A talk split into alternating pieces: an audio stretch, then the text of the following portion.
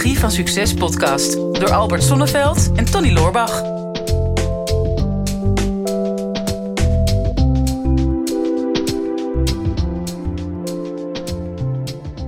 Albert, ik heb een vraag binnengekregen en een soort van eh, opbouwende kritiek in de vraag. Ja, wij mogen geen flauwe grapjes meer maken. nee, hoor, die staat eh, Lotte, die zegt... eh, Hallo, ik luister met plezier naar jullie podcast. Ik vind dat jullie veel wijze dingen te vertellen hebben. Hoewel die grapjes vaak net wat te flauw zijn voor mijn smaak. Haha. Dus dat is dan de kritiek. Ja. Maar dan, dan moeten we ze wat zouter maken, denk ik. Ja, en, en zo sportief zijn dat dat niet persoonlijk gemaakt wordt. Hè? ja, Dan, eh, precies. Nou, ik had voor vandaag een hele leuke grap over een bloem. Ja. Maar in het Engels was die flauwer. Christus. Laten we maar gauw eh, lekker gaan beginnen met, eh, nee, met de vraag van Lotte. maar Dat dan laat me- ik die grap weg. Dan, Ja, eh, ja. dan, Ja, die zou ik vooral ook niet maken. Dan is het niet zo flauw. Nee. Oké. Maar goed, na de feedback zegt ze: Het valt me op dat jullie vaak vragen beantwoorden van bekenden. Maar ik ga mijn vraag toch, toch stellen. eh, in de hoop dat jullie hem willen beantwoorden. Ik wil mijn eigen onderneming starten. Wat zijn zaken waar ik rekening mee moet houden? Ik heb namelijk zoveel inspiratie. Wat doe ik ermee? Wat had jullie achteraf gezien echt willen weten toen je begon met ondernemen? Nou, Ja. ga er maar aan staan. Dat is een tijdje geleden begonnen met ondernemen. Ja, voor mij eh, meer dan 25 jaar geleden. Mhm. Ehm, en toen was ik me nog niet zo bewust. Hè. Ik was een beetje. eh, ik had toen een coachpraktijk. En toen dacht ik van, nou ja, ik krijg het te druk. Ik had een wachtlijst van drie maanden. Dus aan de marketing lag het niet. Toen de tijd, het was vooral nog mond-tot-mond reclame. Oh ja. Ehm, maar ehm, ja, ik, ik dacht, ik moet opschalen. Ik moet in ieder geval datgene wat ik nu aan mijn individuele cliënten geef, dat moet ik groter gaan maken. Dus toen ben ik een opleidingsinstituut begonnen.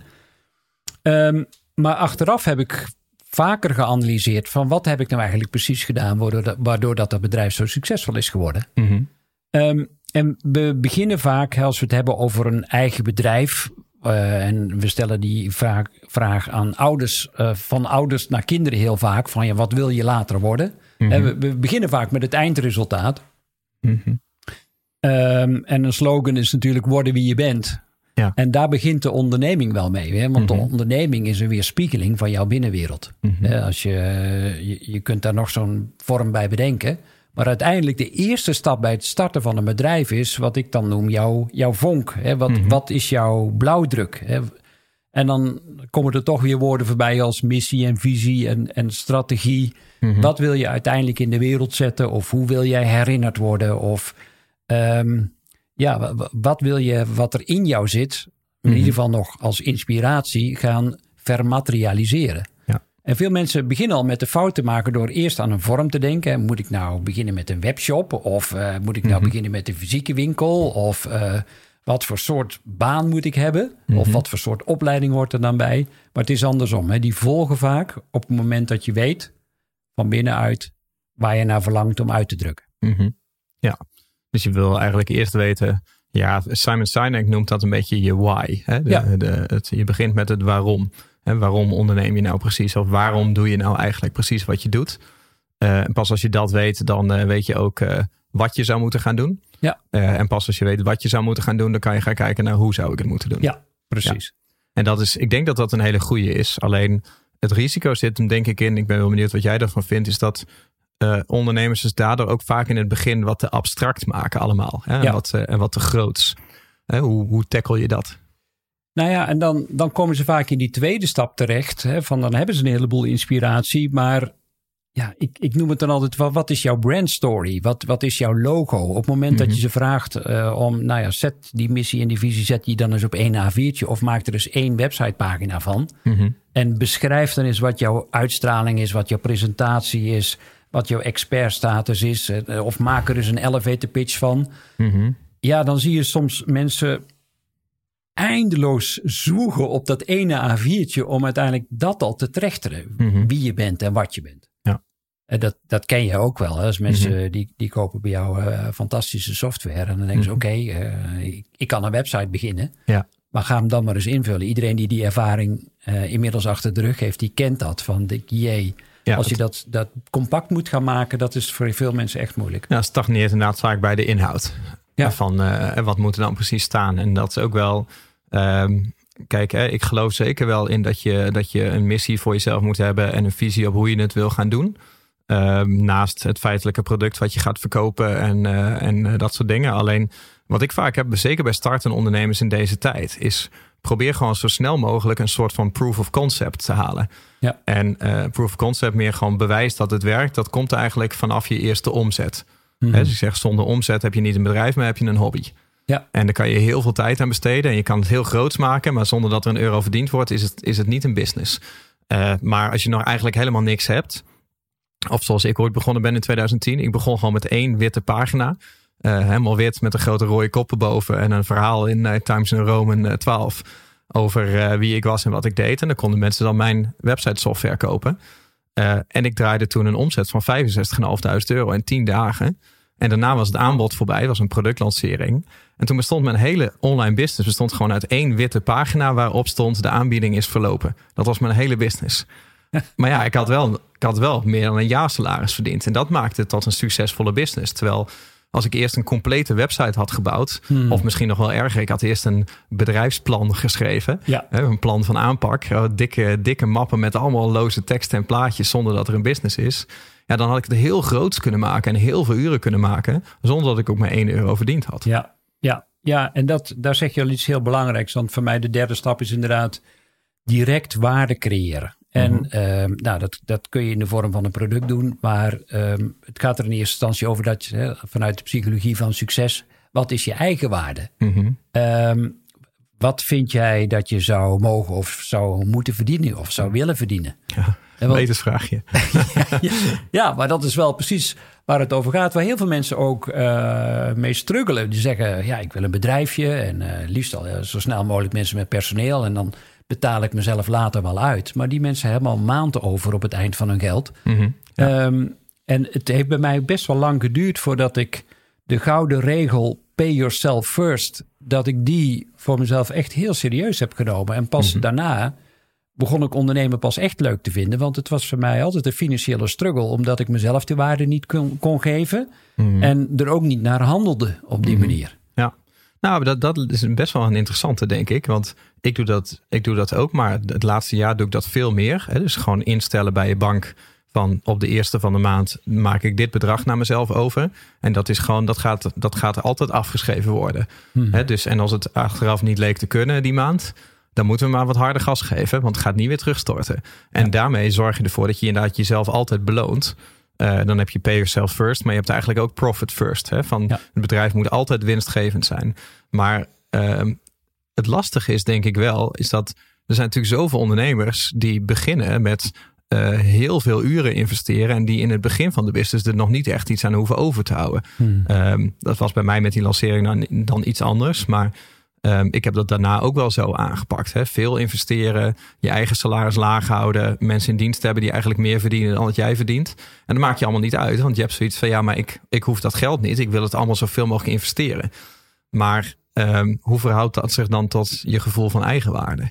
Ja, nou precies. Daar, daar gaat het vooral over. En ehm, het is heel moeilijk, want mensen weten de reden waarom dat ze zichzelf onderwaarderen ook altijd heel goed te rechtvaardigen. ja, ze zag, zag heel goed dat ging net. Ja, ja, ja en, dat, en dat maakt het, eh, ja, ik vind het vaak zo pijnlijk ook. Want het, het is vaak zo'n struggle en het geeft zoveel onnodige stress. Dus ook als mensen in financiële problemen komen. Mhm. En dan gaat het niet over dat je onnodig veel wil spenderen aan on- onnodige dingen. Maar gewoon je, je Mhm. basic dingen, die, die zijn al van levensbelang. Ehm, uiteindelijk de andere kant is ook waar. Hè, als je je kosten laag kunt houden, wat heb je nou eigenlijk nodig eh, als het daarover gaat? Hè, dan, als ik puur kijk naar wat, wat je eigenlijk nodig hebt, is adem. Hè, dat, is, dat, is, dat is de eerste. Eh, de tweede is water. Mhm. En wat, weet je wat de derde is, eh, Tony? Ehm, Ademwater en. Voedsel, lijkt mij. Ja, dat, maar die staat op de vierde plek. De derde is slaap. Je moet Oh, voldoende kunnen dromen om al je Hm. emotionele indrukken weer uit te kunnen drukken. Dus, dus dat is en drie dus slaap, vier is voeding. Mhm. En vijf, Seks, denk ik. ja, dat zou je hopen. Dus In plaats van slaap ja, dan. Is, is een goed onderdak, hè, dat je in ieder geval het gevoel hebt dat je veilig bent. Mhm. Zes eh, gaat over eh, contacten. En daarom kom ik ook altijd weer met heel veel plezier naar Amsterdam om jou weer te ontmoeten en de Oh podcast ja. op te nemen. Ja, snap ik ook wel. En, en zeven is eh, je, je inspiratie kunnen uitdrukken, hè, dus kunnen creëren. Hm. Ehm, dus je- je hebt eigenlijk niet heel erg veel nodig om te kunnen starten. Mhm. Maar dat wat je nodig hebt, claim dat dan ook. Ja. Nou, het is meer dat ik denk ook helemaal niet dat je. Kijk, als ondernemer. eh, ondernemen is investeren, vind ik. Ehm, kosten gaan altijd voor de baat uit met ondernemen, zeker in de eerste jaren. Ehm, en als je dat niet doet, dan heb je toch vaak een beetje de rem erop. Hè? Dus dan groei je minder snel dan dat je zou kunnen. Ehm, en dat hoeft op zich niet zo erg te zijn. Hè? Als je dat een relaxter leven geeft, is dat prima. Alleen het is vaak in het begin zo dat hoeveel te meer je terug investeert, des te sneller de groei van je business gaat. En als je er zelf geen moeite mee hebt, dan zou ik dat zeker doen. Alleen wat je te alle tijden wil voorkomen, is inderdaad gewoon een onderliggende financiële stress. Of op het moment dat je business dan niet geslaagd is en je terugkijkt van ja, maar dan heb ik er drie of vier jaar in zitten. Ik heb veel geld verdiend, veel geld terug geïnvesteerd. Veel andere mensen hebben hier geld aan verdiend, maar ik sta zelf uiteindelijk met lege handen. Uh, en dat moet je te alle tijden voorkomen. Hè? Dus het kan heel makkelijk door jezelf gewoon consequent maandelijk vast te belonen. Door geld wat, uh, wat je in principe wel kan missen elke maand. Uh, wat zich toch opstapelt op de achterkant. Ja, ja, en dan, uh, dan komt de vierde stap. Mm -hmm. uh, ik hoop dat mensen nog een beetje kunnen volgen welke stappen dat we inmiddels behandeld hebben. Anders kan ik ze op het laatste nog wel even samenvatten. Maar dat gaat natuurlijk wel over je, je niche-markt. je ideale klant onder andere. En, en waar je die kunt vinden. En wat maakt jou zo onweerstaanbaar voor jouw klanten. Mm -hmm. um, ja, en dan komen we toch veel meer richting focus ook. Het, het begint uiteindelijk altijd weer met jezelf. Waar je eigen focus en je eigen aandacht zit. Maar ook vooral focus op jouw ideale markt. Mm -hmm. uh, en, en om die te gaan bedienen. En Mhm. ook daar, we hadden in een eerdere podcast al iets over boeken schrijven. En wie zit daar nu op te wachten? Mhm. En veel denken, uh, tenminste vaak heb ik van mezelf ook gedacht van ja, maar... Oh ja, maar ik doe al coaching en er zijn al zoveel coaches. En wie zit daar nou op te wachten? En dan keek ik altijd naar mensen waarvan ik dacht dat ze nog beter waren dan ik. Maar er blijkt altijd een... Dat het niet zo is. Uh, dat het niet zo is. Iedere keer weer. Dankjewel, Tony. Ja, en, en dat er voor jou wel degelijk ook een niche-markt is. Ja. Maar durf je daarop te focussen? Ja, dus niche-markt voor de, voor de leken, dat is zeg maar de, de deelmarkt. Hè? Dus het, het klein stukje van de markt waar jij in actief bent. Hè? Ja. Zoals uh, ik leer mensen in de meest brede zin uh, succesvol ondernemen. Maar eigenlijk iets specifieker dan dat. Daarbinnen leer ik mensen marketing. Nou, en iets specifieker daarbinnen leer ik mensen online marketing. En nog specifieker daarbinnen leer ik mensen bijvoorbeeld zoekmachine optimalisatie. En Ja. zo ben ik ooit begonnen in 2010 door gewoon alleen maar zoekmachine optimalisatie te doen. En dat was wat ik mensen ging leren. En dan maak je je markt weliswaar kleiner. En dat is vaak waar een beetje die verliesaversie zit. Van oeh, Ja. nou zijn er minder, minder mensen in het land die dit misschien Mm. interessant vinden. Dus dan zal mijn business wel niet zo succesvol worden. Ja. En daarom gaan we vaak veel te breed. Ja. Hè, maar op het moment dat je zo'n hele specifieke markt pakt, ehm, kun je veel makkelijker een website inrichten. Dus je hoeft veel minder algemeen te zijn. En je kunt veel makkelijker aan bezoekers uit Google komen, omdat de zoekopdrachten veel specifieker zijn. En je kan veel makkelijker aan klanten komen, omdat mensen specifiek weten wat ze aan jou hebben en waarom ze wel of niet bij jou zouden moeten zijn. Ja. Ja, ik kom het nog wel eens tegen op feestjes en partijen. En, en ook wel eens zo in het land. Tijdens lezingen of presentaties. En dan eh, zei ik, goh, is leuk, interessant, je bedrijf en zo. En, eh, en wie is je klant? Ja, iedereen. Ja, eigenlijk iedereen. Ja. Eigenlijk iedereen. Ja, zoals als je tegen iedereen praat, dan praat je eigenlijk tegen niemand. Ja. Oh, oh, oh. Dus ehm, daar, daar zul je wel wat angst moeten overwinnen. Precies Mhm. wat jij zegt, om die markt kleiner te maken en het vertrouwen te hebben dat die kleinere markt juist veel beter geschikt is om je product eh, aan te verkopen. Mhm. En ja, dan ligt het natuurlijk ook nog aan hoeveel marge wil je overhouden. En dat bepaalt ook weer voor een deel welke prijs dat je aan je product hangt of aan je dienst. Ja, klopt. Dus, dus kijk, als het over die beginfase gaat en zeker dit probleem van ik heb veel te veel inspiratie en eh, waar moet ik beginnen? Ja, Ik denk, nou, je begint met gewoon een zo klein mogelijk succesvol bedrijf neer te zetten. Dus een zo specifiek mogelijke markt. Met een zo specifiek mogelijk product waarvan je denkt van dit product, dat snappen mensen. En het lost een heel concreet probleem op. Eh, en zodra je dat weet, ehm, dan ga je aan de slag om zo snel mogelijk je eerste klant te vinden voor die bewijslast of mensen het ook daadwerkelijk kopen. En als Ja. ze het gekocht hebben, of ze het daadwerkelijk willen houden. Eh, en dan heb je in principe een bedrijf.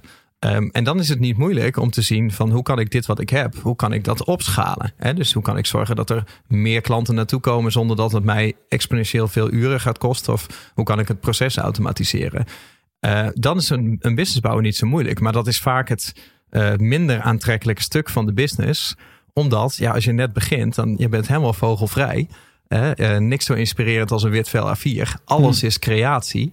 En alles in je hoofd wat je kan creëren, wat niet een direct gevolg heeft, dat voelt heel aantrekkelijk. Van oh, ik ga lekker schrijven, of ik ga lekker een website bouwen, of ik ga lekker met een logo zitten designen. Of, dat zijn heel veel taken die jou een gevoel van groei geven. Alleen er staat geen uh, direct resultaat tegenover. Dus het is niet zo dat er ineens een klant is die daarna iets van jou wil, die jouw vrijheid gaat, gaat inperken. Hmm. En daar zit een beetje dat gevoel van verlies. Van, mensen hebben van nature veel hogere angst om iets te verliezen dan dat ze de ambitie hebben om iets te winnen.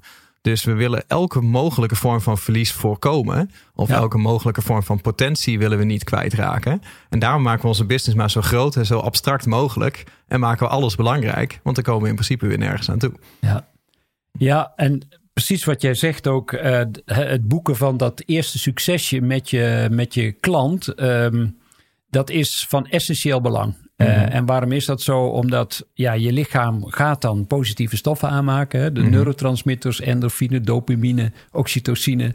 En dat goede gevoel, dat, ja, dat kan verslavend werken. Dan wil je nog een klant en nog een klant en nog een klant. Mhm.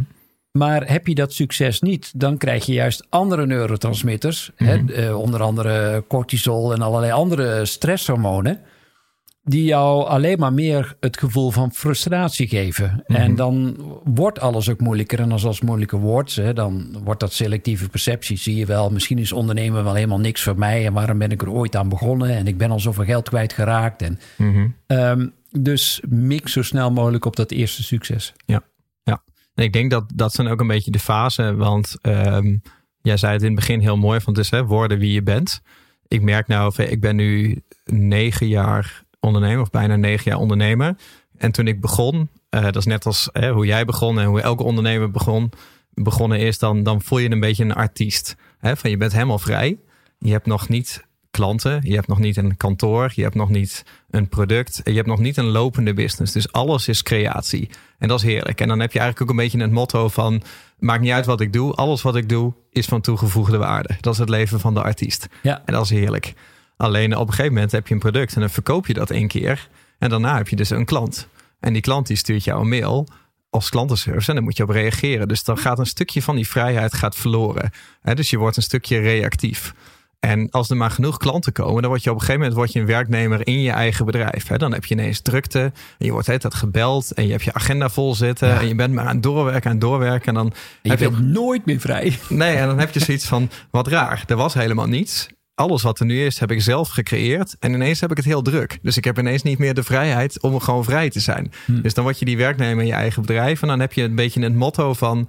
Als het goed moet gebeuren, dan kan ik het het beste zelf doen. Ja. En dan is vaak een beetje zweten en, uh, en dan, dan werk je zelf wat over de kop. En het volgende stadium, dan word je eigenlijk van, van artiest naar werknemer in je eigen bedrijf, word je meer eigenaar van je bedrijf. Dus dan krijg je een soort van ownership.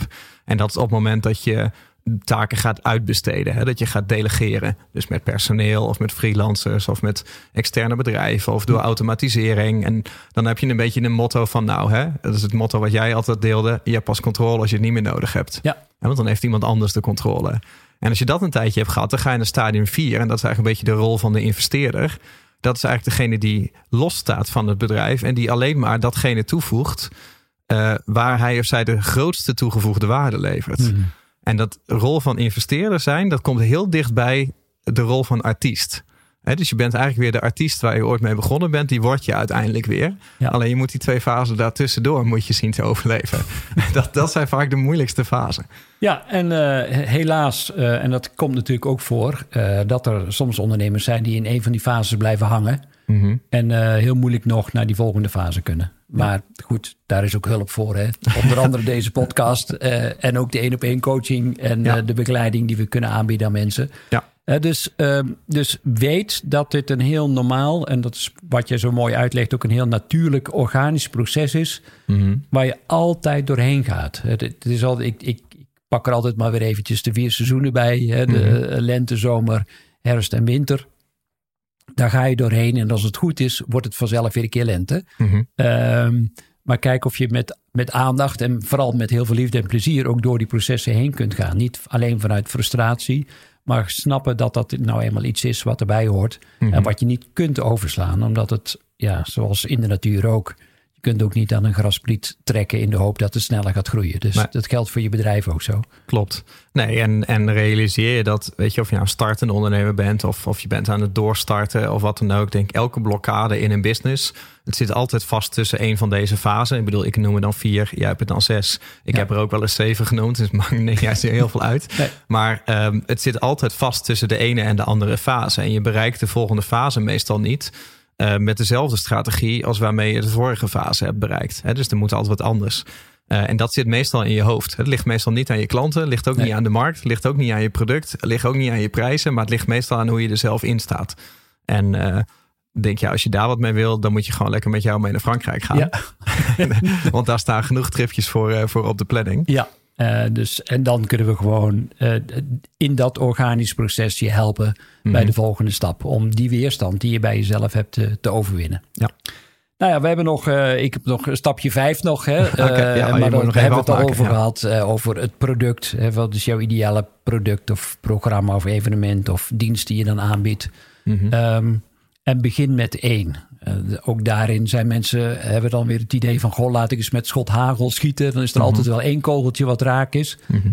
Ehm, maak één product en zorg dat je daar geld mee verdient. En van daaruit, eh, met, die, met dat geld kun je dan weer een volgend product gaan investeren... als het nodig is. Mhm. Maar uiteindelijk blijkt vaak dat als je achteraf kijkt...